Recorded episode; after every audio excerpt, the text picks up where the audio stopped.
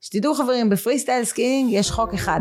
נפילה היא לא נפילה, אלא אם כן עצרת לגמרי. כאילו דמיני, אתה עושה, אתה מחליק, אתה בבור, נפלת, המשכת, זה מעולה. ווואו, תחשבי על זה. זה בדיוק, תכלס. זה בדיוק החיים. נכשלת, קמת, כמו קים, כמו אני עם ה quickstep שהצלחתי לחזור לקצב, זה הצלחה. נפלתם, זה טוב. תלמדו מזה. אם למדתם מזה משהו ואם המשכתם הלאה, זה טוב. זה הרבה יותר בעל ערך מפשוט לעלות, לעלות, לעלות, לעלות, לעלות. בעיניי. או לא להעז, כי תפחד, כי תפחד ליפול. חד משמעית. כן. נכון.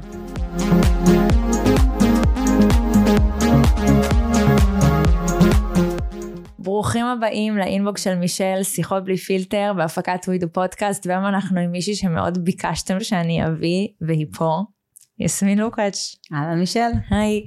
Uh, טוב, אז יסמין, את יזמת חברתית, משקיעת הון סיכון, הקרישה בתוכנית הטלוויזיה הקרישים, מייסדת ומנכ"לית אייקון, מייסדת עמותת תגיעי לעיקר, Code for Israel. והמתחרה שלי ברוקדים עם כוכבים. זה החיים שלי כרגע. העיקר משאירים לסוף. אני לא מבינה, זה החיים שלי כרגע, רקדנית. כן? כן.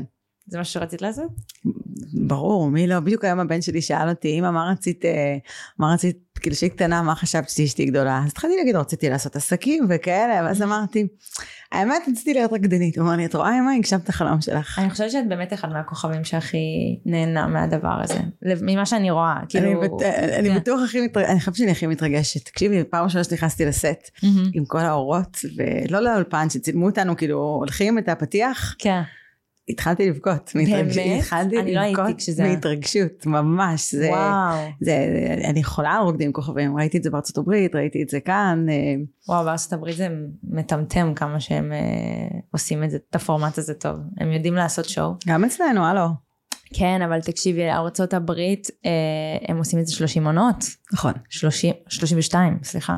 32 עונות אה, לא באות אה, ברגל. אה, אבל באמת, לרוקדים כוכבים אנחנו נגיע, אנחנו משאירים את הטוב לסוף. אבל באמת אני ככה אגיד שאם יש, אתה כאילו רואה בתור רקדן על כוכבים, במיוחד שאני עושה את זה כבר עונה שנייה, אתה רואה אה, מי נהנה מזה יותר, מי נהנה מזה פחות, מי עושה את זה בשביל הכיף, מי עושה את זה כי צריך. אה, ובאמת, כי צריך, למה יש צריך? אנשים שעושים את זה כי צריך. מה צריך? מי צריך? אה, יש אנשים שרוצים כזה, את יודעת, אה, לנצל את הפלטפורמה, יש איזה, כאילו, גם שנה שעברה, גם השנה. זה משהו שאתה. צריך לעשות בעבר שאתה לא יכול לעשות. זהו, זה, זה פרויקט מאוד אינטנסיבי, אני לא מבינה איך אנשים עושים את זה כי צריך, זה חודשים באולם אימונים, אנחנו מצלמות את זה במוצ"ש. כאילו, זה רק מראה על כמה אין לאף אחד זמן.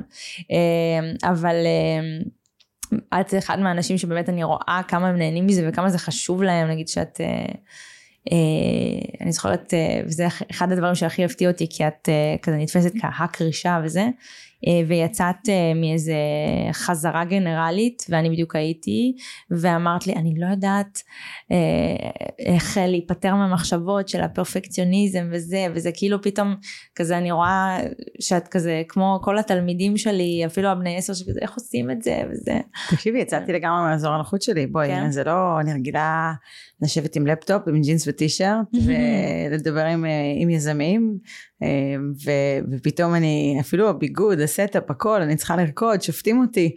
זה הכי רחוק מ- מהיום יום שלי. איך זה באמת מרגיש לך? טוב, אנחנו כבר מדברות על זה עכשיו. איך אנחנו אנחנו... זאת אומרת, אין ברירה. זה לקח אותנו. אה, איך זה באמת מרגיש לך, את גם, את תמיד המנטורית, או תמיד אה, הבן אדם שנותן את הביקורת אה, בחיים הפרטיים, בתוכנית, בכרישים, זה. איך זה פתאום מרגיש שזה הפוך? אני אוהבת את זה. כן? אני אוהבת את זה. אני, אני חושבת ש... אז בואי ניקח את זה לא רק לרוקדים, בכלל החיים. אני מהמם. חושבת שאם אתה נשאר כל הזמן במקום שנוח לך, מהמם. אתה לא גודל. וואו.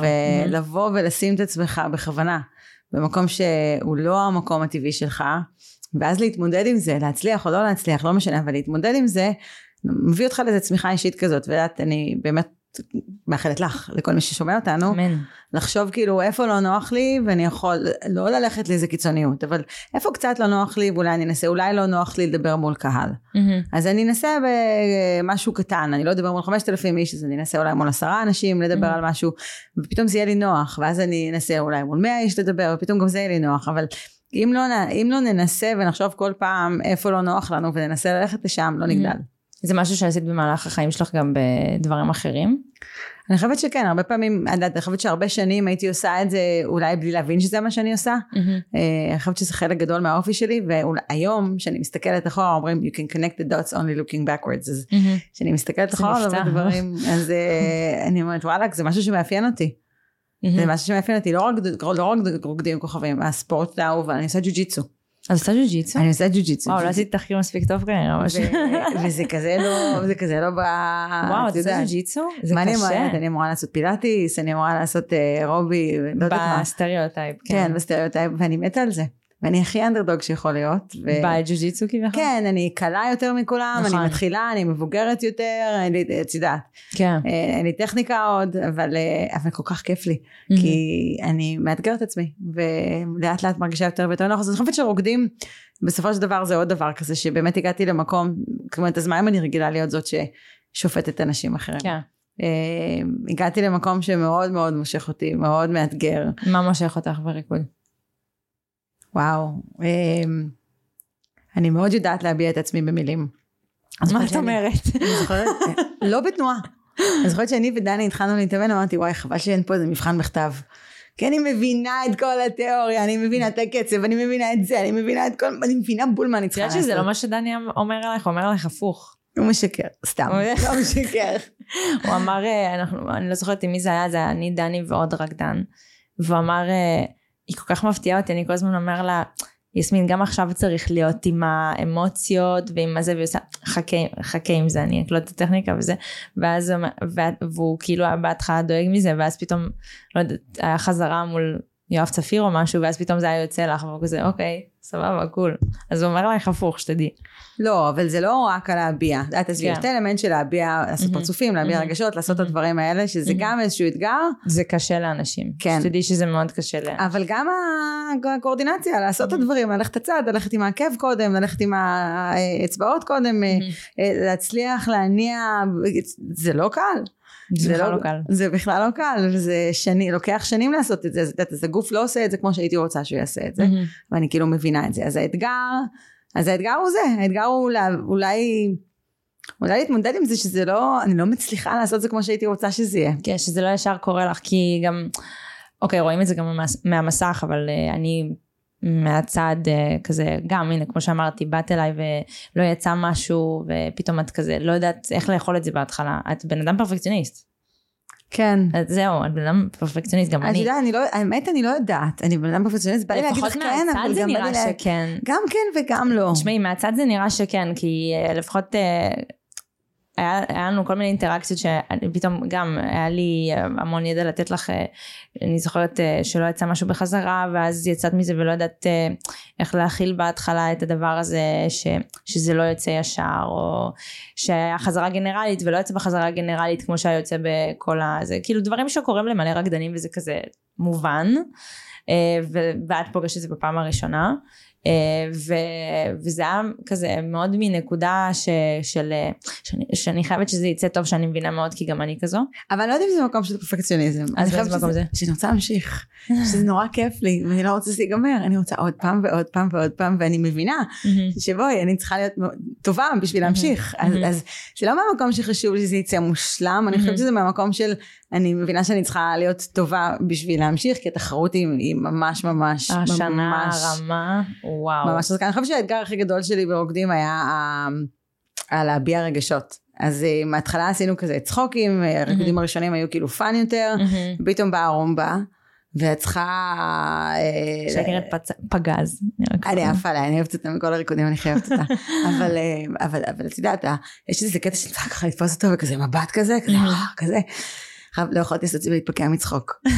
לא יכולתי לעשות, אה, התאמנתי עם חברה, ואני תופסת אותה ואני מתפקעת מצחוק, ואני מתפקעת ואני אומרת, מה יהיה, מה יהיה, מה יהיה? למה עם גבר מתאמנים על זה? גם, והתפקעתי מצחוק. כן? תקשיבי, עם כל העולם, כל מי שרצה, יכולתי לתפוס, לא, סתם, לא לתפוס אנשים ברחוב, אבל... כל הזמן הלכתי לחברים, אמרתי, שנייה אפשר להתאמן עליך במשהו, ומתפקעת מצחוק, אה, ובסוף איכשהו זה, אולי. זה מה שאתה מתכוון, בסוף איכשהו זה הצליח, בסוף זה יצא. וזה הצליח טוב, ואם אני גאה במשהו ברומבה, זה בשביל לא התפקעתי מצחוק, ולא הייתי קרובה להתפקע כן, מצחוק, זה בכלל לא היה ככה. לגמרי כאילו בתוך זה, ובמקום. ונהניתי, וכל כך נהניתי. איזה אז, כיף אה, זה לראות שמישהו כל כך נהנה מזה, כי אני כבר כל כך הרבה שנים בזה ש... שזה כאילו, מכירה את זה כשמשהו חדש אז את רואה מישהו שהוא זה חדש וזה איזה כיף זה, כן. ו, ויש שאתה נהנה ממשהו שאתה עושה המון שנ- שנים, אבל יש את ה- שאתה נהנה ממשהו שאתה פתאום גילית, אז וואי איך אני, להסתכל על זה זה ממש כיף, זה גם לא, לא מובן מאליו, כי הם באמת נשחקים שם, באמת, אתם מה זה מסכנים, אה, אתם נשחקים, זה לא אני- קל, אני הרגשתי שלא הספיקתי, אני רוצה כן? עוד, אני רוצה עוד, אני כל פעם רוצה עוד. איך זה כאילו- באמת הרגיש לך שבאמת אין מה לעשות, אה, היה הדחה, כן, עצוב. כן. עצוב. עכשיו, אה, תשמעי, היה לי גם, אה, היה לי גם מבאס כי הודחתי למרות שלא הייתי אחרונה. נכון. בציונים של השופטים באותו יום, וגם היה לנו, אני חושבת שכאילו בעיקר הורידו לי נקודות על איזה טעות, ב, כמה מהמם. טעויות בצעדים. מהמם. כשאתה תסתכל על הסרטון את רואה אולי אחת מהן, אבל אה, ידעתי את זה מושלם, יכולתי לעשות את זה, עשיתי את זה כל השבוע, אה, מושלם. כן, לא יודעת למה דווקא שם מתפספס הצעד. זה קורה המון, זה גם, אה, כן. כי מורה נפלה על הראש וזה בחיים לא, זה בחיים לא, כאילו לא, לא שהם לא צלחו את התנועה הזאת שנייה לפני או משהו, זה פשוט קרה. ממש, אבל- אבל כן הייתי גאה שהצלחתי, ה quickstep הכל מאוד מהיר והרגליים מאוד מהירות ובכל זאת הצלחתי כאילו לחזור בשנייה אחת לקצב אז אה, אם את לא יודעת מהמם. אז את לא באמת יודעת ש, אה, שטעיתי רגע בתנועה נכון. ופספסתי. גם, הראיתי אה, לחברים ביקשתי זהו, לנחש הראת איפה. הם לא, אה, הם לא ידעו איפה. זהו, הראת לי גם, לי היה מאוד קשה לה- להבין איפה זה, ואז אמרת לי שזה פה. ובין האמת, שזה היה ריקוד שהציג אותך ממש טוב, כל הכפן וזה, זה היה ממש מגניב בעיניי, וגם נראית מצוין. את יודעת אז אני גם חשבתי שיש ערך לזה שאתה עושה טעות אבל אתה מצליח לחזור ממנה ו- Mm-hmm. וזה. אבל אה, אבל התבאסתי כי לא רציתי, בואי אני לא לא מאמינה שאני אני לא בגמר אני לא ברמה של החבר'ה שהם חבר'ה מטורפים באמת העונה אבל אני חושבת שכן היה מגיע לי עוד פעם עוד פעם עוד פעמיים עוד לא יודעת כמה ואת ההזדמנות הזאת להמשיך ולהשתפר אז אה, אז מאוד התבאסתי. אבל יש לך את ההזדמנות. אז אני עכשיו אה, על זה ומה מה כדאי לעשות בגלגל עוד לא החלטנו. זהו, אה, היא גם שאלה אותי אתמול, אה, אני לא יודעת, כי אה, אני לא רוצה גם להרוס להם, כי זה ישודר לפני הגלגל, אבל טוב, אני... אז אחר כך אנחנו תחשבי על זה. אנחנו נחשוב על זה. איך אני... אנחנו אה, נחשוב על זה, כי יש מלא אופציות, אה, לא נהרוס איך לכם, אני מפגיזה, כאילו אני לא רוצה לבוא כמו שהייתי, עכשיו זה קשה, כאילו ככה זה חודש שאנחנו לא רוקדים. איך אני חוזרת ו... ו... ו... ורוצה... אבל אני אמרתי לך להפתיע. שאני לא אגיד לכם על איזה ריקוד אמרתי את זה, אבל אמרתי לך שבעיניי, אמ, גם לא, לא רק גלגל הצלה, אבל הריקודים שבסוף הכי אוהבים, זה מה שלא ציפו פתאום שהבן אדם יעשה. אמ, אם זה נגיד, אצל נרקיס זה היה, שפתאום התחילה לעשות כל מיני דברים של גרוב והיפ-הופ, שאנשים ממש לא ציפו שזה, לאן שזה ילך. כן. אז אותו דבר, כאילו צריך למצוא את, הבן אדם, את הדבר הזה ש...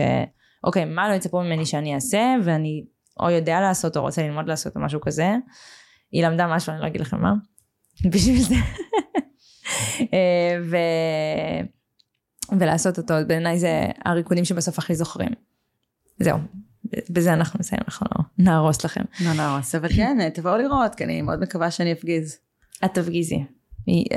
אני יודעת, תשמעי, אני יודעת להגיד לך בוודאות, שנראה לי, אני יכולה להגיד לך בוודאות שנראה לי, זה לא משפט טוב.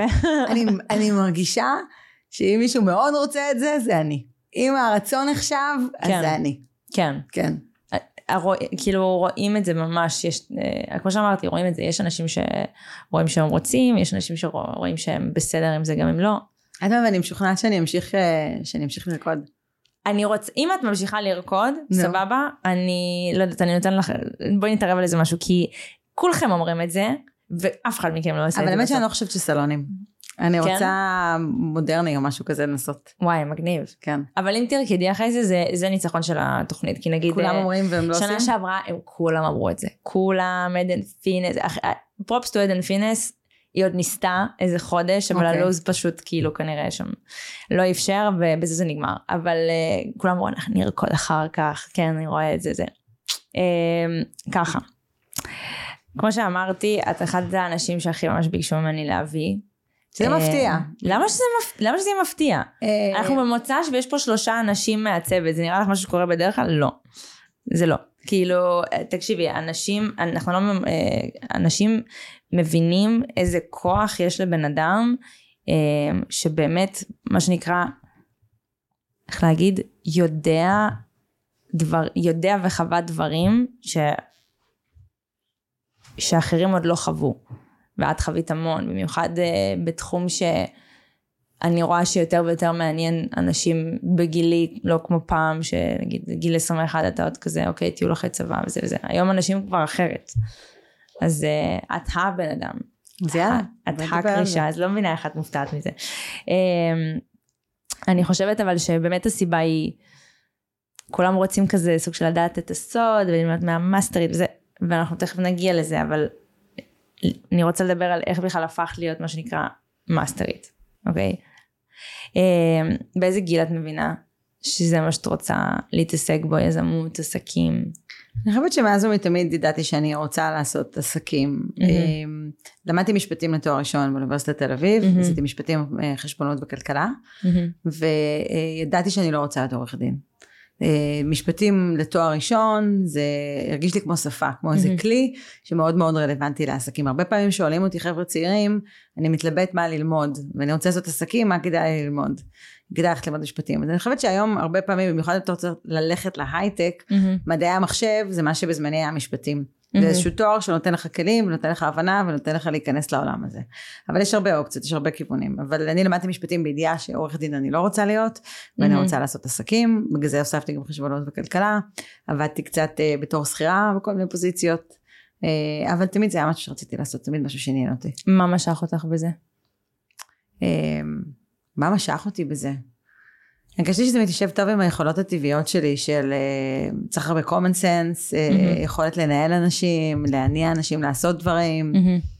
אה, ליצור דברים, לא בדרך, לא כמו שרקדנים יוצרים למשל, לא, לא, לא... את פשוט ממציאה את עצמך כזה. כאילו, תמיד. חשבתי, הרבה פעמים אמרתי שאני לא יצירתית, אני לא אמנית, אני לא יודעת לצייר, אני לא יודעת לשיר, לרקוד לאט לאט משתפרת, אבל... אה, אה, ואז הבנתי כמה יצירתיות יש גם בעולם העסקי. חד משמעית. של למצוא פתרונות, או לקחת פתרונות ולעשות מהם משהו עוד יותר טוב, אז הדברים האלה הם הדברים שמושכים אותי על ליצור ערך. את גם רואה, נגיד, בכרישים, זה לראות, אה, לא יודעת, רעיון או משהו, ולהבין איפה זה יכול להיות.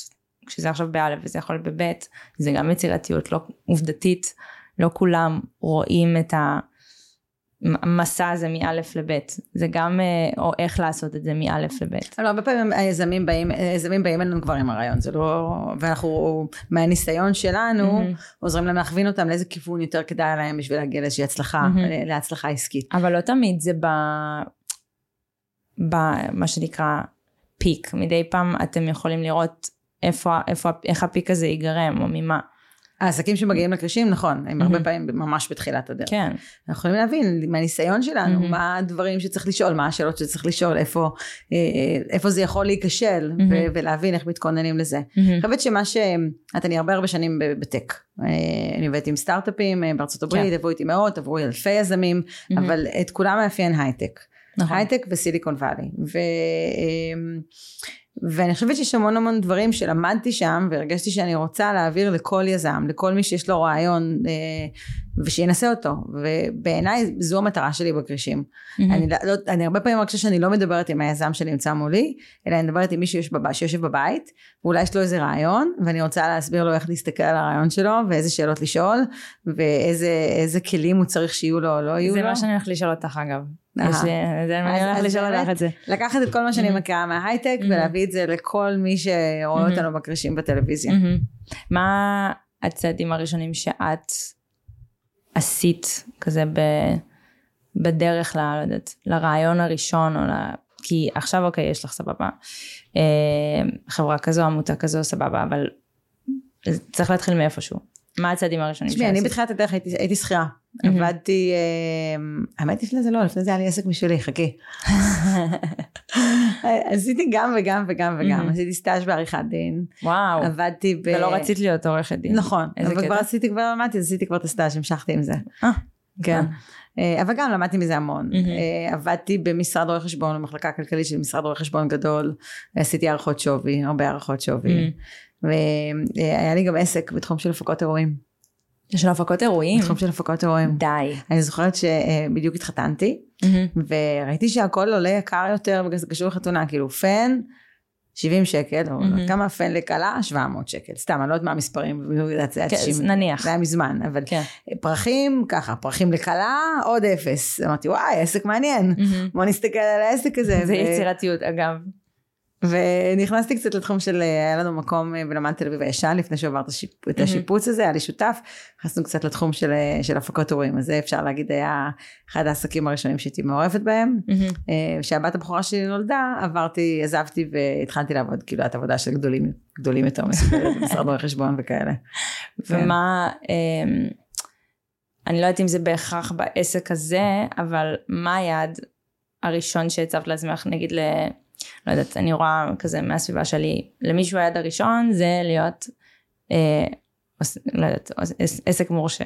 למישהו זה להגיע למספר מסוים בבנק, למישהו זה להגיע, לא יודעת, למחזור מסוים ב... לא יודעת, בהכנסות. מה היעד הראשון ש... שאת הצבת לעצמך? וואי, האמת שתמיד היה לי את אותו יעד. אמ, היעד שלי זה להיות מאושרת. די, באמת? זה להיות מאושרת. אני חושבת שאם אתה, אם אתה הולך עם הלב ועם התשוקות שלך, אז, אמ, אז הדברים מסתדרים בסוף. אוקיי, ולא היה פעמים שהיה קשה להאמין בזה? תמיד, נכון. אבל יכול להיות שאת יודעת, לא, זה לא העסק, אם העסק לא עובד, אולי זה לא הכיוון הנכון, ואת צריכה ללכת למקום אחר. כאילו, נורא קל להגיד, לך עם הלב שלך כשיש לך כסף, Mm-hmm. Uh, הרבה פעמים, uh, אז, אז, אז אולי צריך לקחת את זה בערבון מוגבל, אבל אני באמת mm-hmm. חושבת שהרבה פעמים כששואלים אותי מה לעשות, אני אומרת ללכת עם הלב. את מאמינה, um, אני פשוט דיברתי על זה לא מזמן עם uh, חברה, הנה גם הגבת על הכי צריך, סתם דוגמה, על ה... כשהיו יורדים כוכבים, יש הרבה uh, מקרים, במיוחד uh, אני רואה בגיל שלי, שאתה כזה לא יודע מה אתה עושה ואתה מנסה איך שזה, אתה עושה הרבה פעמים כי צריך. אם זה לא יודעת אם זה תואר, אם זה לא יודעת עבודה מסוימת, אם זה לא יודעת, כאילו בשביל לנסות ולמצוא. את מאמינה בלעשות אה, דברים מסוימים כי צריך גם אם אתה לא, לא, לא נהנה כרגע מזה אבל זה משרת לך איזושהי מטרה או שפשוט לא, לא, לא לעשות את זה ולעשות משהו ש... תשמעי, יש ויש, mm-hmm. את יודעת, לימודים אקדמיים הם mm-hmm. מאוד מאוד חשובים, mm-hmm. אבל יכול להיות שהם לא מתאימים לכל אחד, mm-hmm. והם לא מתאימים לכולם, ו... וזה בסדר, mm-hmm. אבל אני חושבת ש... גם אם כרגע לא בא לך ללמוד, אז uh, זה כן משהו שהוא חשוב mm-hmm. בשביל הלאה, זה תלוי. מצד שני, אם את עובדת באיזשהו מקום ומאוד מאוד לא טוב לך, אז, mm-hmm. אז אל תישארי שם כי צריך לסגור שנה במקום עבודה, כי אחרת זה לא נראה טוב בקורות חיים. Mm-hmm. בואי תמצאי משהו אחר שיהיה לך טוב. אז אני לא חושבת ש... אני לא חושבת שאפשר להכליל. אי אפשר להגיד, אל תעשו דברים כי צריך, mm-hmm. אי אפשר להגיד, אה, תעשו דברים כי צריך. זה, זה כל מקרה לגופו מרגיש לי, mm-hmm. גם הבן אדם וגם על מה מדובר. אגב, אה, בהקשר לתואר, זה גם מה שרציתי לשאול אותך. אמ, היום, זה היה פחות פעם, עכשיו זה ממש כזה סוגיה ודילמה כזאת של אה, האם לעשות תואר או לא לעשות תואר.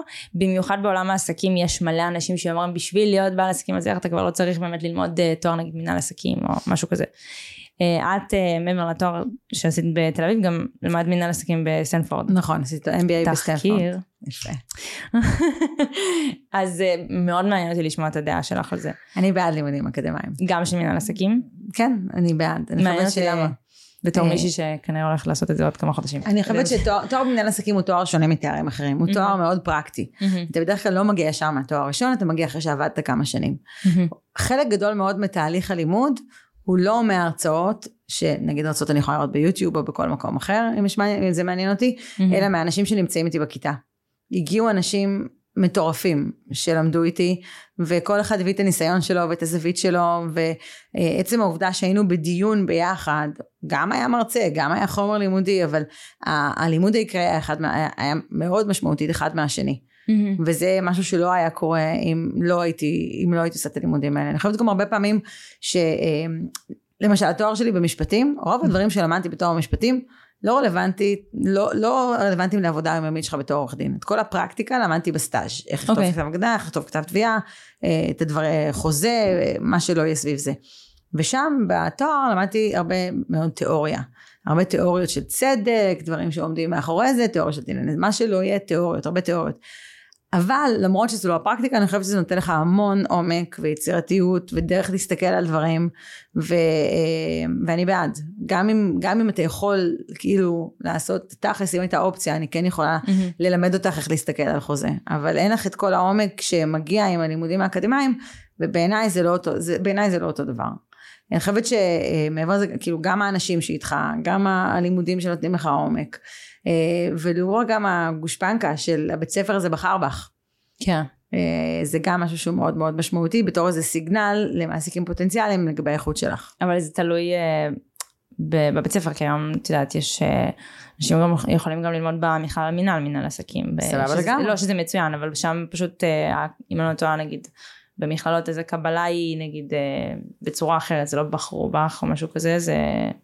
אני הרבה זמן כבר לא. ניסיתי להתקבל אה, למוסד אקדמאי? אז אני לא יודעת להגיד לך, אבל אה, אני חושבת שגם אני, שגם כשאני מסתכלת על קורות חיים, אני מסתכלת איפה הבן אדם למד. אם הוא למד, איפה הוא למד, מה הוא למד. כן? כן. ונגיד אה, ממה את נוטה לקבל יותר, נגיד סתם אוניברסיטאות מדורגות, או שלא יודעת, אוניברס... או לא יודעת, מכללה שיש לה יותר אה, פרקטיקה. מאוד תלוי, האמת שמשהו שאני אסתכל עליו תמיד זה איזה עוד דברים הוא עשה בזמן הלימודים. מהמם. אם הוא היה אה, יזם פודקאסט אולי בזמן הלימודים, אה, אה, איזה עוד, אה, אה, איך, אה, איך בכלים שהיו לך בזמן שהיית מה שעשית, התמודדת עם בעיות, רצית לשנות את המצב, אה, זה משהו שמאוד מעניין אותי. איזה קטע זה שיחה יומיומית כרגע, שלא רק אני, אבל אני גם מנהלת עם ההורים שלי, כי אני, אני אגלה לכם, אה, מתלבט כרגע בין לעשות תואר בתל אביב, או ברייכמן אותו תואר. חשבונות ומנהל עסקים. התקבלתי לשניהם, פשוט הלכת פרקטיקה. ללמוד משחק? אה, אני גם הולכת ללמוד משחק, את. רואה? תוך כדי. אה, אבל אה, איך קוראים לזה? אז באמת אה, במנהל עסקים במיוחד הפרקטיקה מול ה... איך קוראים לזה? תיאוריה. תיאוריה. אז אה, זה תמיד כזה debate, יש אנשים בכלל שאומרים לא צריך ללמוד מנהל עסקים, יש אנשים שאומרים שצריך לעשות בכלל, לא יודעת, כמו שנגיד את עשית. אני לא חושבת שזה עניין של צריך, לא צריך ללמוד מנהל עסקים. מהמם. את לא רוצה ללמוד? זה יעשיר אותך. אני רוצה ללמוד, אני פריקית של למידה. אני מתה על אקדמיה, אני מתה על אנשים שנמצאים באקדמיה. יהיו איתך אנשים מדהימים בכיתה, זה מגיע הרבה דברים אחרים. אז אני לא חושבת שאת עושה את זה כי את צריכה לעשות תואר, אני חושבת שאת לא, צריכה לא. לעשות את זה כי את רוצה לעשות את זה. להפך, אני הגעתי ל... אם הייתי עושה כי צריך, הייתי עושה את זה לפני שנתיים. כשעלה הרעיון. של המנהל עסקים? כן, דווקא מנהל עסקים אני חושבת שיותר טוב לבוא קצת הפסקה שאתה בשל, אחרי שלמדת, אחרי שהתנסית בכל מיני דברים. כן, שאתה מביא יותר אושר של ידע. כן. את מתלבטת בין שני מוסדות מצוינים, ואחד למדתי בשני אני לומדת היום. את מלמדת ברייכמן? כן. אני לא ידעתי. אז ככה או ככה יהיה בינינו קשר. אבל אה, כן, אני לא, אני במקרה שלי, אה, הלימודים שלי הגיעו כשהייתי שלמה עם הרעיון, אני פשוט מאוד אוהבת ללמוד, אני כזה אוהב חננה בכל מה שקשור ללימודים. אה, זה לא חננה, תהיי גאה בזה. לא, אני מתה על זה, אני תמיד מדבר על זה בפודקאסט, נכון? דניאל? כן. אתה רואה? אמ, אם היית אמ, מנתחת כרגע, מה בעינייך מהדברים שעשית הם דברים שגרמו לך, קלטי את המשחק מילים, לא להיות דג גדול במים, אלא להיות קרישה. תודה, סתגדיש. סגדיש. סתגדיש. אני מבקשת שמי שיערוך את זה יעשה את זה. למרות שזה לא כזה מצחיק, אבל אני גם אמרתי בפודקאסט בעבר שאני לא מצחיקה, זה בסדר. מה, כשאני מסתכלת אחורה, מה מהדברים שעשיתי הביאו אותי היום? וואו, הכל. הכל. אמ, דברים מסוימים נגיד. שוב, אני אחזור לרצון הזה אה, להתנסות בדברים מהמם. שאתה לא מכיר ולהעז, כמו שדוד מהמם. דביר אמר לי, להעז, תעזו גם אתם. מהמם. אה, הוא התכוון באגן, אבל אה, אבל גם באגן צריך, זה גם בסדר. באגן צריך להעז, אבל אה, אם את לא יודעת לרקוד דוד ורוצה. אמר לי את זה, או רונה אמרה לי את זה, אני לא זוכרת מי אמר לי את זה, אבל השופטים אמרו לי להעז, כן? כן. אני זוכרת, אה, זה היה בר- ברומבה, לא? אה, לא, לא, לא זוכרת, זה דווקא נראה לי בסמבה, אבל לא זוכרת. וואו. הכל, אה, אולי ברומבה, הכל, הכל, הכל, אה, אה, הכל מתערבב. אבל מטושטש. תשמעי, זה רלוונטי להכל, מהמם. ווואו, זה גם רלוונטי לא לריקודים. בטח שצריך להעז, צריך להעז, יש הזדמנות לזהות הזדמנויות שמגיעות. ו- ולהעז ועוד ולתקן מהר, כי אם זה לא באמת ההזדמנות הנכונה, לדעת לזנוח אותה ולנסות משהו אחר. זהו, את יודעת לזהות גם כשזה כזה דגל אדום? דגל אדום, מבחינת דגל אדום, את יודעת, משהו שהוא דגל אדום מבחינתי זה בעיקר מגיע למקום של אה, אה, חוסר אמינות אה, מהמם. עם האנשים שאתה נמצא איתם. מהמם. אה, זה בדרך כלל הרגשה כזה, משהו באוויר. כן, כן. גם, את יודעת, מקום שאתה לא רוצה להיות בו. מהמם. אבל דגל אדום מבחינת כאילו הצלחה עסקית, לא, אני חושבת שאתה רואה איך הדברים עובדים. זה שאתה מהמם. לא מצליח, זה לא אומר עדיין שזה כישלון. אה, אתה רוצה ללמוד ממה שלא הצליח ולנסות לשפר מהמם. ו... ולהמשיך זהו, הלאה. היה לי מורה למשחק שאמר לי, אמ, זה לא רק לגבי שחקנים, זה פשוט אה, רלוונטי להכל. השחקנים הכי טובים זה אלה שלא מפחדים להיכשל. ומקסימום הם עשו לא טוב, אז הם הבינו, אוקיי, זה לא, לא טוב, אז הם אה, בפעם הבאה י- יביאו את זה ממקום אחר. ממש. זה אותו דבר גם לא רק לגבי אז אני שחקנים. לך, ב- הכיתה, או, הכיתה שלי בסטנפורד כיתה מאוד מיוחדת, מהמם. הכיתה שלמדתי. מה למדת בסטנפורד? איזה חלום. תקשיבי, אחד הדברים שעשינו, שסיימנו, כל אחד שם אלף דולר, אנחנו מנהלים את הכסף ביחד, ומהרווחים עושים כל שנה מסיבה, די. לעצמנו. והרעיון הוא שהילדים שלנו יכירו אחד את השני, ושהחברות אה, תמשיך. כאילו, לא במהלך הלימודים עכשיו. עכשיו, וואו. אחרי שסיימנו, הבית ספר עושה ריוניון פעם בחמש שנים, חמש, עשר, חמש עשרה, עשרים, מהמם. לא מתאים לנו פעם בחמש שנים להיפגש, אז, אה, איזה קטע. אז אנחנו מנהלים את הכסף, יש קומיטי שמנהל את הכסף אה, והולך להם סבבה, וואו. וכל שנה, אה, כן, איזה חוויה. שכולנו נמות, הכסף ילך- יתרם לאוניברסיטה, עוד 200 שנה. עוד 200 שנה. אז, אה, אה, אז כל פעם מנסים להביא איזה דובר מעניין. ולפני שנתיים, שלוש, אני לא זוכרת כמה, הביאו לנו אה, דובר בשם ג'וני מוזלי, מהמם. שהוא אתלט, הוא skier, הוא, הוא skier אולימפי. skier. הוא עושה. skier, הוא עושה סקי. אה, סקי. מה זה skier? skier, skier, skier אולימפי, אוקיי. גולש. גולש סקי אולימפי. והוא מתמחה בפרי סטייל. מה זה? פרי סטייל? זה, זה moguls, הבורות האלה. וקפיצות. אה, אוקיי. ואז הוא. בא ומדבר על עצמו ועל השגרת אימונים, הוא מדבר ואומר, שתדעו חברים, ב freestyle skiing יש חוק אחד. מה החוק? A fall is not a fall unless you come to a complete stop. נפילה היא לא נפילה, אלא אם כן עצרת לגמרי. כאילו דמייני, אתה עושה, אתה מחליק, אתה בבור, נפלת, המשכת, זה מעולה. ווואו, תחשבי על זה. זה בדיוק. זה בדיוק החיים. נכון. אז, אז זה בדיוק מה שהמורה שלך למשחק אמר לך, וזה בדיוק מה שאני רוצה להגיד. נכשלת, קמת, כמו קים, כמו אני עם הקוויקסטיפ שהצלחתי לחזור לקצב, זה הצלחה. זה. הצלחה. נכון. הפסקת, זה לא הצלחה, זה כישלון, ואת זה, זה שואלת אותי, נפילה. למה את כל כך מבוקשת? טוב, בסדר. אמ, אז רגע, אז הנקודה היא בסופו של נכון. דבר, תזכרו לקום, כאילו, נפלתם, זה טוב. תלמדו מזה. אם למדתם מזה משהו ואם המשכתם הלאה, זה טוב. זה הרבה יותר בעל ערך מפשוט לעלות, לעלות, לעלות, לעלות, לעלות. בעיניי. או לא להעז, כי תפחד, כי תפחד ליפול. חד משמעית, כן. נכון. האמת שזה גם יצא לי ב... במשחק, זה הרבה יותר היה מפחיד בשבילי מריקודים, כי, כי זה בא ממקום אמיתי כזה, ופחדתי. ריקודים לא במקום אמיתי, אני חושבת שפשוט בגלל שזה חדש לך יותר מאשר משחק. ריקודים, אה, מאשר ריקוד. הריקודים, אנחנו כל כך מתוכנתים בשלב הזה כרקדנים, שגם נגיד, את, את שמה לב נגיד, אה, אם אנחנו ניפול, אנחנו נעשה עדיין, אנחנו עדיין נחייך ו, וזה ייראה כאילו לא קרה כלום. כי אנחנו מתוכנתים כבר כזה סוג של, תסתכלי על החיוך שלי ב quickstep. לא הצלחתי והמשכתי את החיוך.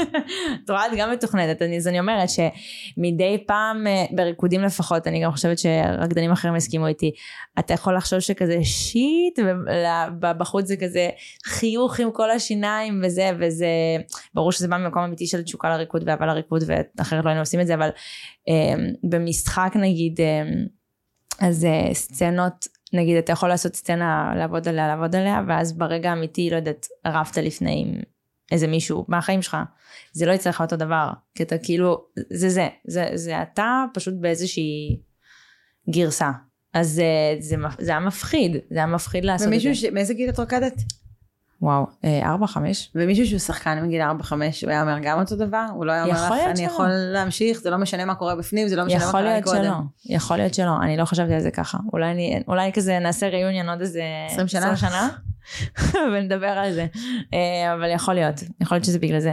אה, ככה, אין מה לעשות, אנחנו כן פודקאסט שהוא הדמוגרפיה היא כזה יותר צעירה.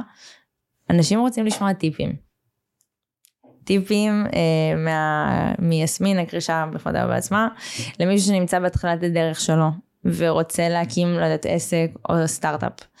מה הדגשים שהכי חשובים בעינייך שצריך לשים לב אליהם נגיד בה- בהתחלה או לא יודעת אפילו לא בהתחלה הנה אתה מקים עסק אפילו אחרי לא יודעת שניים שלושה לא עבדו אוקיי אז מה, מה הדגשים אז דיברנו על ללמוד בכישלונות, מהמם. דיברנו על אמינות ודברים מהמם. כאלה, זה דברים מאוד מאוד חשובים בעיניי, אבל. ספציפי, בוא נהיה יותר ספציפיים כאילו לעסקים. מהמם, אני חושבת שחשוב לבחור נכון את האנשים שאתה עובד איתם, מהמם. אבל בעיניי הדבר בחינה? שאני רואה הכי הרבה אנשים טועים בו, זה אה, לרוץ עם רעיון בלי לעשות לו ולידציה. אה, זה למצוא, השאלה הבאה שלי, כן. למצוא, למצוא פתרון שלא בטוח בכלל שיש בעיה. כאילו פתרון שמחפש בעיה. או. בעיה, או שיש בעיה, אבל הבעיה היא לא מספיק גדולה, או שאנשים. לא מוכנים לשלם כסף בשבילה.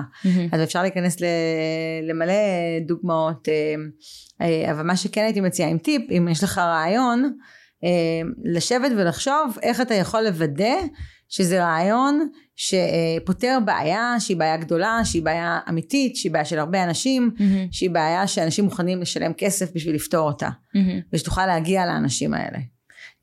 אז, אז, אז זו באמת טעות, ויש הרבה הרבה דרכים לעשות ולידציה. עשינו באייקון סדרה של סרטוני רשת, שמסבירה קצת אה, את כל הדברים האלה. אה, אז תיכנסו. יש ביוטיוב שלנו, אתם מוזמנים לראות, קוראים לזה The Next Exit. אני אעשה, תשלחי לי קישור, אני... סבבה, אה, איך, איך להתחיל. סטארט-אפ, איך, איך מגיעים, איך מוצאים רעיון, איך מוצאים משקיעים, מהמם. אלף ואחד, אה, כאילו כל הממש סרטונים כאלה קצרים של איך, ואז אפשר להעמיק עוד. מהמם. אבל באמת זו באמת אחת הטעויות הכי נפוצות של מהמם. אה, אה, פתרון, פתרון בלי בעיה. כן, כי גם נגיד אה, שאלה שאמרו לי כזה, דיברתי עם חברים, דיברתי עם אנשים שכולם כזה מתעניינים ב, אה, בתחום הזה, הם כולם אמרו, תשאלי את השאלה הבאה, כל אחד ניסח את זה אחרת, אבל יש לי רעיון לעסק או סטארט-אפ, ו- אבל אני לא מבין במאה אחוז בתחום הזה, אני פשוט יודע שיש לי רעיון בתחום. סתם נגיד בהייטק, אז אה, לא יודעת, מישהו רוצה, לא יודעת, ליצור תוכנה, הוא פחות מבין בייצור עצמו של התוכנה, או מה מצריך, או כל מיני כאלה. מאיפה אני לומד את הכלים, או איך אני מבין אה, שזה א', ואיך אני מבין אם מדובר ברעיון טוב או לא. בכללי, מאיפה, מאיפה אני מתחיל, בוולידציה, כמו שאמרת. כן, אז אה, וואי, יש פה כמה שאלות שונות ביחד. כן, אה, בואי נתחיל מאיפה... איפה אתה לומד, איפה לומדים? אז כן. קודם כל אפשר לחזור ללימודים האקדמיים שדיברנו עליהם קודם. כן ללכת ללמוד מדעי המחשב, תכנות, מה שלא יהיה, קורסים, מהמם. השתלמויות, מה מהמם. שלא יהיה. מהמם, ללמוד מניסיון של אנשים אחרים. אה, אפילו פודקאסטים של מהמם. יזמים שדיברו ודיברו על הקשיים שלהם ואתה יכול ללמוד, להיפגש עם מי שאתה יכול וללמוד ממנו, אה, גוגל, אתה מוצא מלא מלא מלא דברים ומלא חיפושים, מוצרים דומים, בעיות. אה, הרבה אנשים חוששים לדבר על הרעיונות שלהם, שלא יגנבו להם אותם. כן, יש בזה משהו. אה, פחות, כי בואי, אם היית שומעת? עכשיו על איזה רעיון מדהים, היית עוזבת אה, את הלימודים שלך בשביל לעשות את זה? אני לא יודעת. אה, אבל אני חושבת שעוד מרכיב קריטי להצלחה, מהמם, זה מה שאמרנו קצת קודם, זה האנשים הנכונים. מהמם, ואם אני הצוות, אני שאני משקיעה בסטארט-אפ, שאני משקיעה במיזם, אני רוצה לדעת שהאנשים מולי הם הצוות הכי טוב בעולם לפתור את הבעיה הזאת. לא רק שהבעיה יודעת? חשובה. אני מסתכלת, אם הבעיה אה, עוסקת, או הפתרון עוסק ב computer vision, מהמם. ואת, יש לך דוקטורט ב computer vision במכון ויצמן, וואלה, את כנראה, ומחקרים שהם רלוונטיים בדיוק, והשותף שלך, אה, השותפה שלך, יש לה המון המון ניסיון בשיווק, בדיוק מה שאתם רוצים, אתם כנראה צוות ממש מנצח. אבל אם את מתחום אחר לגמרי, אז אולי, ורק בא לך הרעיון, אז אולי את לא הבן אדם הנכון. אז, אה, אז זה שאתה מספר על הרעיון שלך, בעיניי הרבה פעמים, אתה לא צריך לספר את כל הפרטי פרטים של איך עושים ומה עושים והכל. אתה מספר בגדול, ואתה יכול לקבל פידבק מאנשים שהם, אה, שהם רלוונטיים, יכולים מהמם. לשלוח אותך, לעוד כיוונים, יכולים לספר לך עוד דברים. גם טעות שהרבה אנשים עושים, זה לא לדבר על הרעיון שלהם, שלא יגנבו להם אותו. בואו, יש לאנשים אחרים חיים, הם לא מחפשים לגנוב לכם רעיונות. לא ו- קרה לך בחיים כזה, ש... ש- לא, לא אולי עלייך, עלייך עצמך נגיד אנשים שאת מכירה ש... אה, לא כל כך, ואתה לא צריך לספר את הכל ואת איך אתה עושה את הדברים, אלא רק את הדבר הזה בגדול, כן. ואם באמת אתה הצוות הנכון לזה, אז מישהו אחר הוא לא הצוות הנכון לזה, או לא נכון לזה באותה דרך. האם זה לא יכול לקרות? כן, זה יכול לקרות, אבל אני חושבת שיש כל כך הרבה מה להרוויח מזה שאתה מדבר בגדול, אל תגיד את כל ה... כן, עובדתי שאתם שואלים הרבה פעמים רשמת על זה פטנט, כאילו זה שלך או משהו כזה. נכון, זה... זה דרך להגן על זה יותר. נכון. כן, זה, אבל- קצת, זה קצת שונה, כן. כן, אבל כאילו זה עדיין בא מהמקום הזה של אה, מישהו יעלה על זה, נגיד, סתם דוגמה. לא, זה יותר במקום של אה, שלא יחקו אותך. אם אתה מצליח מסחרית ואין לך מהמם. פטנט, יכולים ישר תכף לעשות בדיוק אותו דבר. אז אה, יכולים לקנות את המוצר שלך. ולעשות אה, ולעשות אותו כן, זה. גם סוג של, זה מה שאומר, זה גם סוג של כזה, גנבו את הרעיון. כי... זה כבר לא, אבל בסדר, בשלב כן. שהמוצר שלך מוכן ואתה מוכר אותו.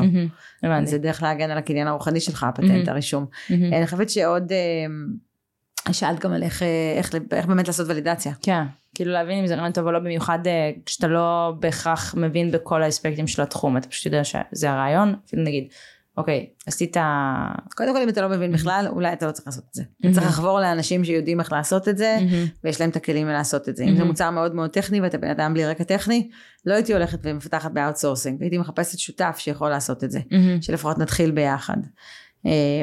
לגבי איך לעשות לזה ולידציה יש המון המון דרכים גם כשאני לומדת אני לומדת מבוא ליזמות אנחנו מלמדים על זה שיעור שלם על איך לעשות ולידציה אבל החל מחיפושים בגוגל ודרך לנסות גם אם יש לך משהו שאת הולכת הרעיון שלך הוא לעשות איזה תוכנה שתעשה את זה תתחילי לעשות את זה ידנית רגע ואז אולי תוכלי לבדוק אם אנשים רוצים או לא רוצים שיחות עם אנשים עם לקוחות פוטנציאליים, אה, סקרים שאת יכולה לעשות, את יכולה לשים איזה פרסומת אה, בפייסבוק למוצר שלך, אה, שלוחצים, שהוא לא קיים עדיין, שאם לוחצים עליה זה מגיע לאיזה landing page שכתוב שם המוצר בקרוב בשוק, תשאיר את האימייל שלך, נודיע לך מתי הוא, מתי הוא יוצא.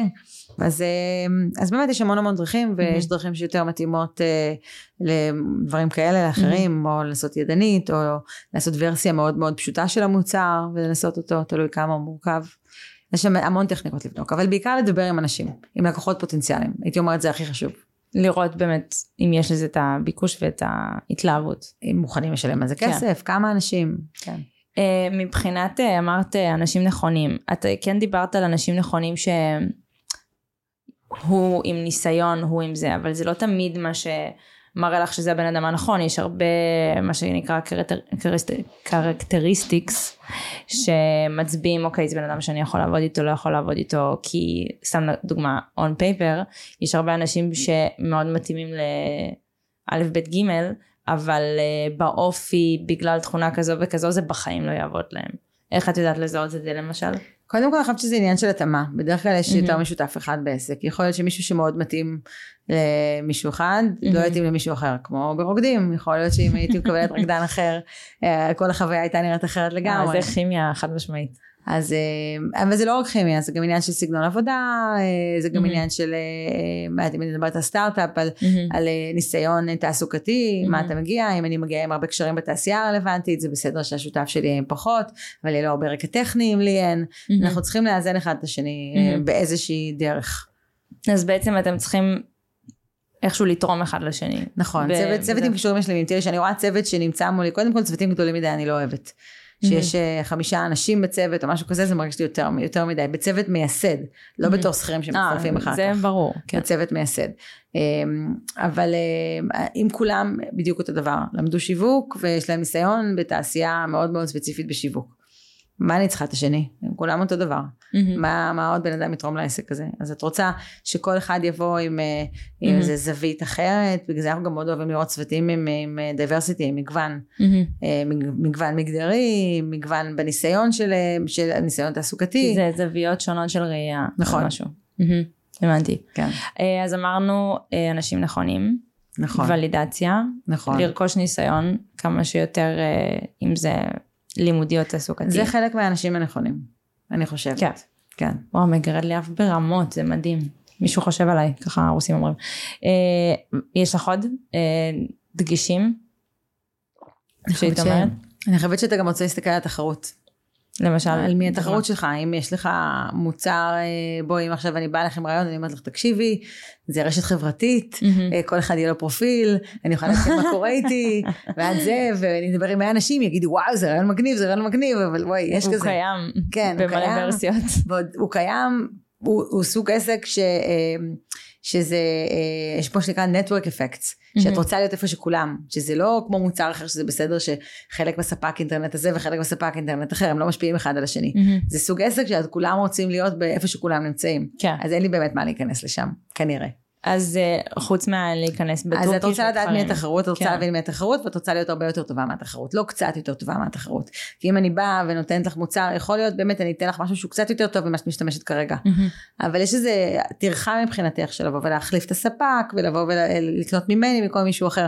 אז אני לא רוצה להיות קצת יותר טובה מהתחרות, אני רוצה להיות הרבה יותר טובה מהתחרות. זה אגב בעיניי גם מאוד רלוונטי לא רק בהכרח לעסקים, סתם דוגמה עם הפודקאסט, אז חד משמעית הסתכלתי על עוד פודקאסטים א', לראות כמה בנושא שלי יש, מה הם עושים, את מי הם מארחים, אם מארחים בכלל, על מה מדברים, כמה אורך, כאילו הכל. אה, או בריקודים סלונים. זה גם, אה, נגיד, אה, אני כבר לא מתחרה חמש שנים, אבל נגיד אני רואה את זה על הבן זוג שלי שזכה מקום שני בעולם, הוא מסתכל על המתחרים שלו, הוא רואה אם יש לבן אדם הזה בכרוגרפיה משהו, ואיך הוא צריך, צריך להתעלות על זה, או אם יהיה בן אדם הזה מתאמן, או ובגלל זה צריך להתאמן עם מישהו אחר, לא יודעת, משהו כזה. אני, גם אני הסתכלתי מלא על רוקדים כוכבים, את הפוקסטרוט, הסתכלתי אה, מלא מלא, מצאתי את צ'ארלי דמליו, שעשתה ברוקדים כוכבים וואו, איזה עילוי, איזה עילוי. ואני חושבת שהיא עשתה פוקסטרוט עם השיר שאני עשיתי. אני לא זוכרת איזה שיר היא עשתה, אני פשוט זוכרת שראיתי את הצ'אצ'ה הראשונה שלה ואמרתי, לוקחת. אבל תקשיבי, הסתכלתי, גם אני הסתכלתי, גם אני הסתכלתי, וכשזה זה נותן לי, אמרתי, אוקיי, אני אמצא את הצ'ארלי שבתוכי, ואני אנסה ככה להוציא אותה בפוקסטרוט. יש להם דומות? פתאום עכשיו שאני מסתכלת על זה, אולי כי זה השיער השחור וזה, אבל יש משהו שמזכיר. אני מקווה שאנחנו רוקדות אותו דבר. זה גם בטיקטוק הזה. כן. אמ, ככה, אני כן צריכה קצת לדבר איתך על הקרישים. אה, מלא ש- שאלות שקיבלתי אה, כשאמרתי שאת הולכת להיות. האם העסקאות בכרישים תמיד עוברות? כי נגיד אה, בארצות הברית יד... אני יודעת שלא תמיד, גם אחרי שכזה סוג של סוגרים את זה נגיד על המסך עצמו. תראי, את לא יכולה באמת לעשות due diligence, בדיקת נאותות שאת נמצאת עם בן אדם mm-hmm. חצי שעה ואין לך שום דרך לבדוק שום דבר מהדברים שהוא אומר. Mm-hmm. אז כשאנחנו לוחצים ידיים בתוכנית, המשמעות של זה אנחנו נכנסים לתהליך של בדיקת נאותות. Mm-hmm. אנחנו בודקים את, ה, בודקים את העסק, בודקים mm-hmm. שבאמת כל הדברים הם כמו שהיזם הציג, שאין לו דברים משמעותיים שהוא השמיט שהם מאוד משפיעים על השווי של החברה, mm-hmm. ובהינתן שהכל אה, תקין, אז העסקה קורית. Mm-hmm. בדרך כלל בארצות הברית לדעתי הסטטיסטיקה היא שחצי מהעסקות נופלות בתהליך הדיו דיליג'נס. חצי. חצי, חצי נופלות, אצלנו um, לא היו עוד מספיק עונות בשביל כן, לצג סטטיסטיקה, ואני מכירה גם רק את העסקאות שלי, אבל אני mm-hmm. חושבת שאצלי זה גם בערך שחצי לא קורות אחר כך. Mm-hmm. על פי מה זה נופל? כאילו, עכשיו הייתה לי עסקה, צילמנו עכשיו עוד עונה שעדיין לא שודרה. אז אני, לא, אז אני לא אגיד uh, מי, אבל הייתה לי עסקה שמאוד רציתי לעשות אותה, וברגע שהתחלנו לעשות את תהליך ה-due diligence, היזם uh, אמר, uh, אני בעצם לא רוצה. הוא לא אמר, הוא אמר שלא רוצה? אני רוצה, אבל בהרבה יותר כסף. בשווי הרבה יותר גבוה. אה, זה יכול לקרות? זה קורה? תראי, הם שפתאום גם המשא ומתן... הם חתומים על חוזה, וההפקה אמרה לי, את יכולה לחייב אותם לעשות את זה לפי זה. הם חתמו על חוזה שהם מבינים. אבל אני לא רוצה, כאילו, אני לא רוצה להכריח אף אחד לקחת ממני כסף. אז כן. אמרתי, זהו, בסדר, לא רוצים, לא צריך, אבל... קרה מצב אבל שלא רק במצב הזה ספציפית, שפתאום ניסו לנהל עוד משא ומתן? כן. אבל זה לא, אבל תשמעי, אבל זה לא עובד, חבל, כן. זה, זה לא עובד, בואי, ניהלנו איזשהו משא ומתן סגרנו כלשהו, כבר, כן. סגרנו, אמ, יש השקעה אחת שנכנסנו והשקענו, ואז אחר כך נכנסנו והשקענו פעם שנייה, mm-hmm. בהמשך הדרך, וואו. כי מאוד אהבנו את, ה, את המיזם, את הנבלה, את המשוואת ההנקה, זה משהו מהעונות הקודמות, אז כן אפשר לדבר כן. עליו. אה, אבל הרבה פעמים דברים נופלים, אמ, כי בסופו של דבר המציאות יש דברים מאוד מהותיים שהיזם לא תיאר כשדיברנו, שגילינו שזה לא באמת, אי אפשר לעשות את הדברים שחשבנו שאפשר לעשות ועל סמך הדברים האלה השקענו. זהו, גם אה, הם בסופו של דבר, אני לא יודעת בכמה זמן באמת מחליטים את זה, כי אני מניחה שיש עריכה וזה לא חצי דקה החלטנו. לא, אבל לא, זה עדיין זמן יושבים, קצר. אנחנו יושבים איתם בין 20 דקות ל-40 דקות עם כל יזם. זה עדיין קצר, לא? בשביל נכון. להבין... אה, בגלל זה, אנחנו אבל, באמת ראויים לעבוד ביחד או לא. בגלל זה באמת יש את התהליך דיו uh, דיליג'נס אחר כך. לפי מה את מבינה בכרישים, לא עכשיו בחיים, בכרישים, כן. אה, כן או לא, כי זה קצר. זאת אומרת, אין להם הרבה זמן להציג את ה point of שלהם, ולכם אין הרבה זמן. אני מסתכלת הרבה על הבן אדם. אה, משהו שאני רואה בכרישים ואני לא רואה בחיים, בהשקעות שאני עושה, זה אנשים שלא עושים את זה full time עדיין, והם רוצים לבוא ולגייס לזה כסף. יש להם עבודה אחרת, אבל הם רוצים אה, לבוא ולגייס לזה כסף, זה משהו שלי מאוד קשה. Mm-hmm. כי סטארט-אפ זה תהליך, זה להתחיל, זה, זה מרתון במהירות של ספרינט. כן. ומישהו שעוד יש לו עבודה תוך כדי, או לא מתכוון להקדיש לזה תנועות תשומת הלב, אז מי יעשה את זה? אני? אני לא. Mm-hmm. אני יש לי דברים אחרים, אני באה להשקיע, אני לא באה לנהל את המיזם. כן. או יזמים שבאים ו- ו- ורוצים שאנחנו נעשה הרבה דברים מבחינתם. טוב, אתה תעשה לי את זה, אתה תעשה לי את השיווק, אני לא אעשה לך את השיווק. כן. אז uh, צריך לנהל שיווק, אתה צריך לדעת לשווק בעצמך. אה, אנשים שטועים, אז, אז זה, זה, על זה גם דברים נופלים mm-hmm. בתוכנית שאני מסתכלת על זה. אני מסתכלת בעיקר על האנשים. Mm-hmm. אני רוצה מישהו שהוא, אה, שהוא מושקע בזה, כאילו מבחינת עצמו, שהוא, שהוא הבן אדם הנכון, שהוא מבין את זה. אני אוהבת לראות אותם בקיאים במספרים ומבינים. שלא מנסים לחרטט אותי ולמכור לי וכזה להגיד דברים חצאי אמיתות. תגידו את האמת, גם את הדברים שהם לא קלים, כי אנחנו בסוף רואים, מרגישים שמשהו פה לא בסדר, אז, אה, ו- ולהכיר את המספרים שלך, לדעת מה עבד, מה לא עבד, מה עשית, אה, איפה זה תפס, איפה לא, זה גם משהו כן, מאוד אלה שלא. יודעים הם הכי לא נראים טוב, אני שמה לב לזה גם מהצד, כאילו כן. אתה לא יכול לדעת, זה... בואי תראי את הפודקאסט שלך אפילו, שזה לא עסק, אבל את, אה, יודעת כמה פרקים היו לך. כמה זה, מה, עבד טוב, מה לא? עבד טוב, בדיוק, אז מי ידע? בדיוק. דניאל. אה, לא, ברור, מי יעשה את זה בשבילי? כן. אה, ובחיים, מה גורם לך באמת להשקיע ברעיון או בצוות?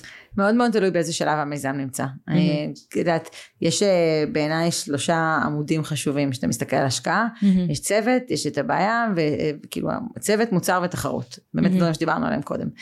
אה, קודם כל לכל משקיע יש את הסגנון האישי שלו, יש מי שהמוצר חשוב לו יותר, יש מי שהצוות כן, חשוב לו את זה. יותר. בקרישים רואים את זה ממש טוב. ואני חושבת שגם אה, זה מאוד תלוי באיזה שלב אה, בחיי המיזם אתה נכנס. ככל שהשלב מוקדם יותר, הצוות יותר חשוב. קרה שמצאתי צוות שהרגיש לי צוות חזק וצוות טוב, הרגשתי שהמוצר שלהם הוא בעייתי, או שהשוק הוא לא טוב, אבל זה לא באמת שינה לי. כי אני יודעת שאני יכולה לסמוך על הצוות הזה, שהוא יבין מה לא בסדר ויעשה את השינוי המתאים. עכשיו בשלב מאוחר יותר, שכבר המוצר בשוק, שכבר יש לך יש 100 עובדים, כנראה שהשוק הוא הרבה יותר משמעותי. את יודעת, זה מתחיל מ... אה, כמה מכירות וכמה... כמה מכירות, כמה מספרים. מקום לגדול יש לך. אה, איפה עוד, באיזה עוד מדינות תוכל למכור.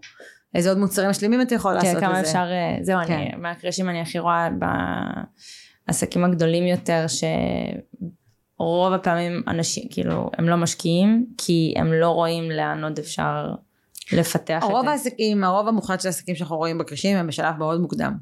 אז כאן צריך באמת הצוות להיות מהמם. הדבר הכי חשוב, אבל אנחנו מסתכלים גם באמת על המוצר וגם על השוק. ואתה רוצה שיהיה איזה פוטנציאל לגדול, בטח.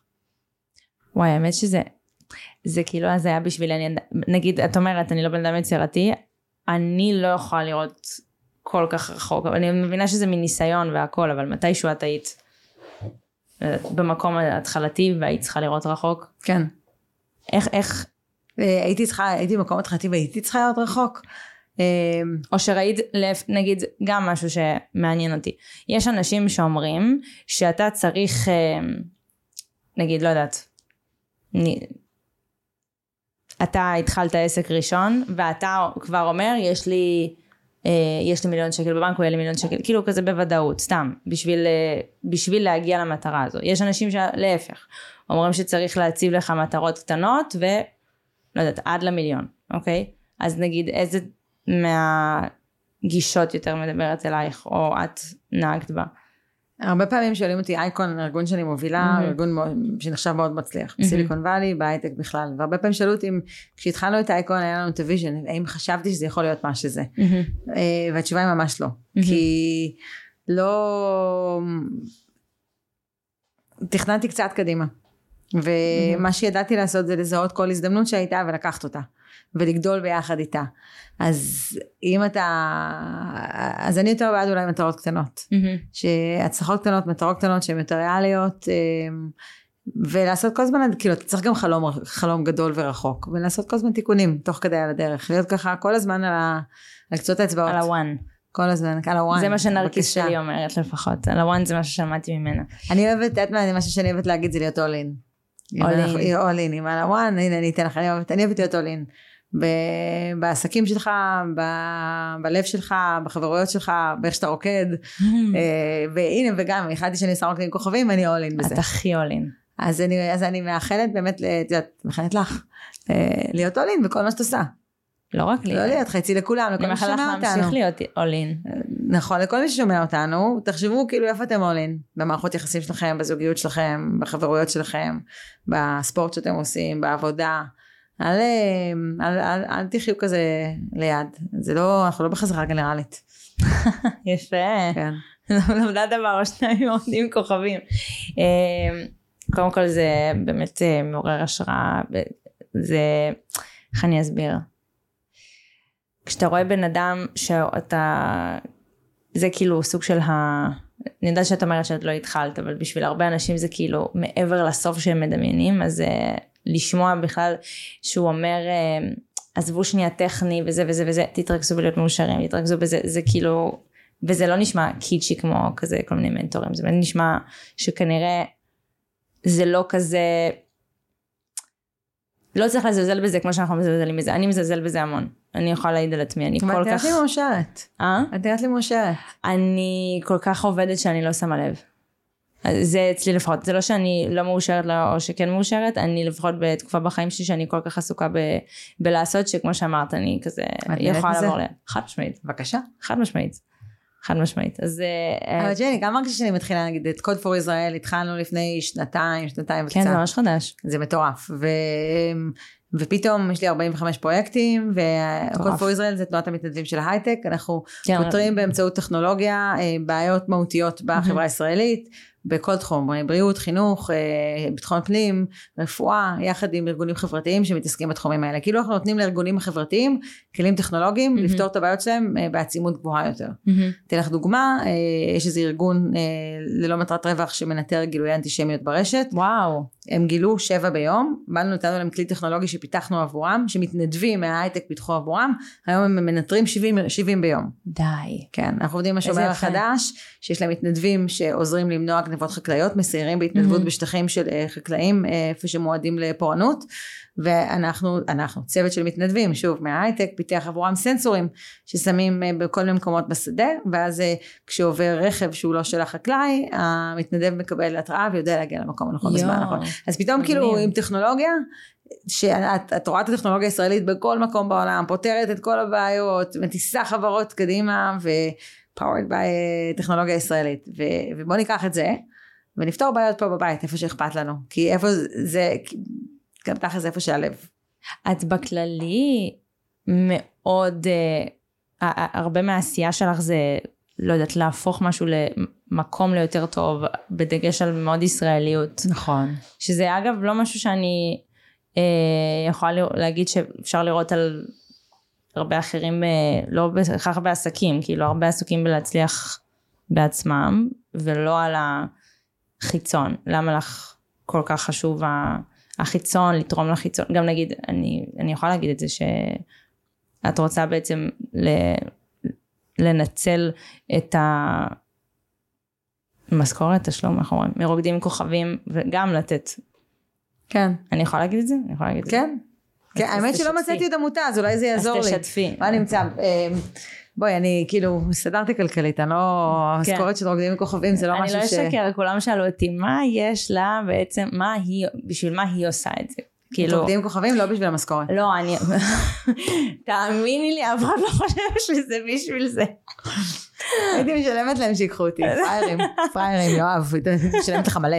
אמ, אבל אה, אמ, חשוב להם שהשאירו אותך, זה אני קצת קשת אם אין ברירה. אוקיי, אז אוקיי, בואי תשתפי באמת. אה, אחד ה... אחד, זאת אומרת, נכנסתי לחוזה שאני רוצה ש- שהם יתרמו את השכר שלי במקום לשלם לי. זה מהמם. ובמקום לתרום למטרות הרגילות שאני בדרך כלל מעורבת בהן, רציתי אה, ברוח התוכנית למצוא עמותה שמתעסקת בריקודים, בריקודים סלונים, ריקודים יודעת שפעם סלונים, הייתה? בפריפריה, אה, ולא מצאתי עוד. את יודעת שפעם הייתה, כשאני הייתי אמ, בת 15-16, בדיוק כשנאלצתי לפרוש מרקודים סלון בגלל פציעה, עד גיל 16 מאיזה גיל 9, הייתה עמותה שנקראת IBDF, Israeli Ballroom Dancing Fund, שהייתה ממומנת על ידי אנשים פשוט עם הרבה כסף שרצו להשקיע? בתחום. הופסק המימון, ואז זה נעלם. וזה היה מביא כזה מלא אה, מורים top כאילו מהעולם, שללמד אותנו, הביא אותנו, נבחרת ישראל כזה סוג של... אה, אה, מלא מחנות וזה וזה נעלם אז כולנו כזה אמרנו בפה אחד וואי תראו לכם היה את זה היום או משהו כזה אז זה באמת אה, טוב, שלחו לי, אני מחכה. תספרו לי על אה, עמותות שמתעסקות אה, בריקוד, שמקדמות ריקוד, בעיקר Mhm. בפריפריה, כי אני מחפשת איפה לשים את השכר שלי. כן. אם אתם מכירים באמת תגידו כי אז באמת כמו שאמרתי כל כך חשוב לך לתרום לחיצון למה אה, ולא רק אה, להתרכז בהון העצמי בהצלחה עצמית או מה שזה לא יהיה. אה, אוקיי, אני אספר לך. אז אה, באחד סיפרתי לך קודם על סטנפורד ועל Mhm. ה-reunions. אחת ההרצאות ששמענו באחד מה-reunions זה הייתה של פרופסורית בשם ג'ניפר אקר. A-A-C-K-E-R, אם מישהו רוצה למצוא המבטא אותה. שלך זה פשוט music to my ears אבל אוקיי. 18 שנים גרתי בארצות הברית, את יודעת. עשיתי תואר באנגלית. אה, כן.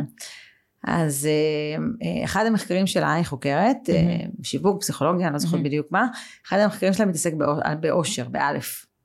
אושר עם אושר okay. באלף. מה, okay. אוקיי. מה זה אומר להיות מאושר? והיא הציגה לנו כאילו באחת ההרצאות המדהימות שלה את המחקר שלה, mm-hmm.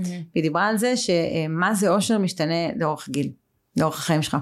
ותחשבי על זה שאתה תינוק, מתי אתה מאושר, יש לך חיתול יבש, נתנו לך אוכל, עשית גרפס, נכון. אתה מאושר.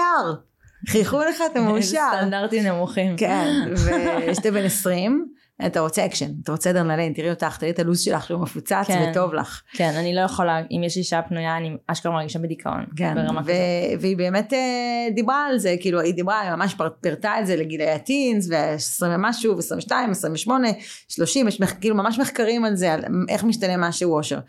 ו, אה, ואז היא הגיעה והיא אמרה ובערך בגיל 40 והייתי בערך בת 40 ששמעתי את זה mm-hmm. היא אמרה ובערך בגיל, ובגיל 40 מה שעושה אותך מאושר זה אימפקט אה, וקהילה Hmm. אמרתי, הופה, עכשיו אני מבינה, עכשיו אני יודעת, אה, עכשיו יש לי תשובה לשאלה שלך. זה עשה לך קליק כזה בראש. אמרתי, זה מה שעושה אותי מאושרת. לדעת שאם תינוק רוצה חיתול יבש, אני רוצה אימפקט, ואני רוצה את הקהילה, ואני רוצה להניע את הקהילה, ואני רוצה ביחד איתה לעשות, לעשות דברים טובים יותר, לעשות את המדינה הזאת יותר טובה, שאנחנו כל כך אוהבים וגרים כאן, לא אוהבת את הגישה הזאת של לא טוב לי פה אז אני אלך, אני פה. וזה כן. שלי, ואני אעשה כל מה שאני יכולה שיהיה פה טוב יותר. אמ, זה לא מובן מאליו. זה עושה אותי מאושרת. לדעת שאני מקדישה את הזמן שלי, וואו. בשביל לעשות את המקום הזה טוב יותר, עושה אותי מאושרת. אז אולי זה קצת אנוכי בסוף, כי אני עושה את זה כדי שאני אהיה מאושרת. אבל אמ, כן, אז... הלוואי וכולם היו אנוכים כמוך, מה אני נכון. אגיד לך? הלוואי. חכי, שתגיעי ל-40, פתאום תגידי לי, מה, מה, מה בא לך, מה עושה לך טוב? וואי, אני באמת לא, אני לא חושבת... אני רואה את המתנדבים שלנו בקוד פור ישראל, היה לנו השבוע אירוע, כאילו סיום של כל מיני פרויקטים, כולם הציגו את הפרויקטים שלהם. אנשים באים עם הניצוץ בעיניים, לא רק היזמים שיש להם סטארט-אפים, אני, אני רואה עם ניצוץ בעיניים, גם היזמים החברתיים, גם הארגונים החברתיים, גם ההייטקיסטים שבאים ופותרים את הבעיות כאילו בהתנדבות עבור כולם, זה, זה, זה מדהים, זה ממלא אותך. ב... זה מטרה נעלה יותר כזה. זה נותן לך השראה, ואת רואה אחר כך את הדברים שהם באמת קורים, ואיך המדינה באמת נהיית מקום טוב יותר. לא יודעת, כאילו אנחנו גרים כאן, זה שלנו, זה שלנו, אנחנו רוצים שיהיה טוב, אנחנו רוצים שיהיה טוב יותר. צריך לטפח את זה. כן, צריך להשקיע. וואי, זה בכלל מאוד מאליו שתדעי. אני יודעת שלך זה כזה, אה, נו, בסדר. אני לא מבינה, אני לא חושבת שאפשר אחרת. את אומרת לי, זה לא מובן מאליו, אני לא, לא יכולה אחרת. אז אני יודעת שאת לא יכולה אחרת, אבל באמת, אה, אני ידעתי את זה עלייך גם, כאילו, לפני שעשיתי את התחקיר. אה, זה אחד הדברים שהכי רציתי לשאול, כי תמיד מעניין אותי ממש מה מניע בן אדם, שנייה רגע לשים בצד אה, דברים שהם יותר חומריים ולא יודעת אישיים וללכת לה בחוץ. אני יודעת שזה לאושר שלך, אבל עדיין, זה מישהו מאושר מדברים אחרים, אז בגלל זה זה אומר. וככה לסוף, יש עוד דברים שאת רוצה לעשות ועוד לא עשית ואנחנו לא יודעים עלייך? כי את אומרת שאת רק בהתחלה, אז בגלל זה. עשיתי, היה לי יולדת 50 שנה שעברה, אז עשיתי bucket list של דברים שאני רוצה להספיק לעשות, שאני רוצה לעשות, אז כל העניין הזה של דברים שאני רוצה לעשות, אני מתחברת, אני, אני מתחברת לזה. אה, אמרתי את זה, אני חושבת שבטסטות שאחד הדברים, או איפשהו אמרתי את זה, אחד הדברים שרשמתי שם בבקט ליסט ליולדת 50, אמרתי, אני רוצה לקחת שיעור ריקוד. כן? כריך בא כאילו רוקדים כוכבים כאילו. שיעור ריקוד. רצית שיעור ריקוד in your face. שיעור ריקוד. in your face. שיעור ריקוד של חצי שנה, כן. מתמשך, לא נפסק בין אם את רוצה בין אם את... עכשיו אני קצת מפחדת מהבקט ליסט האלה. לך כאילו איזה משהו מטורף. אבל שמתי כל מיני דברים קטנים ודברים כאלה, והתחלתי... לחשוב שזה דווקא מגניב לעשות כאלה רשימות של דברים שחשוב לך, כאילו פתאום אתה, אתה עושה אותם, נגיד אחד הדברים ששמתי שם, אני רוצה לנסוע סוף שבוע עם הבן שלי לבד.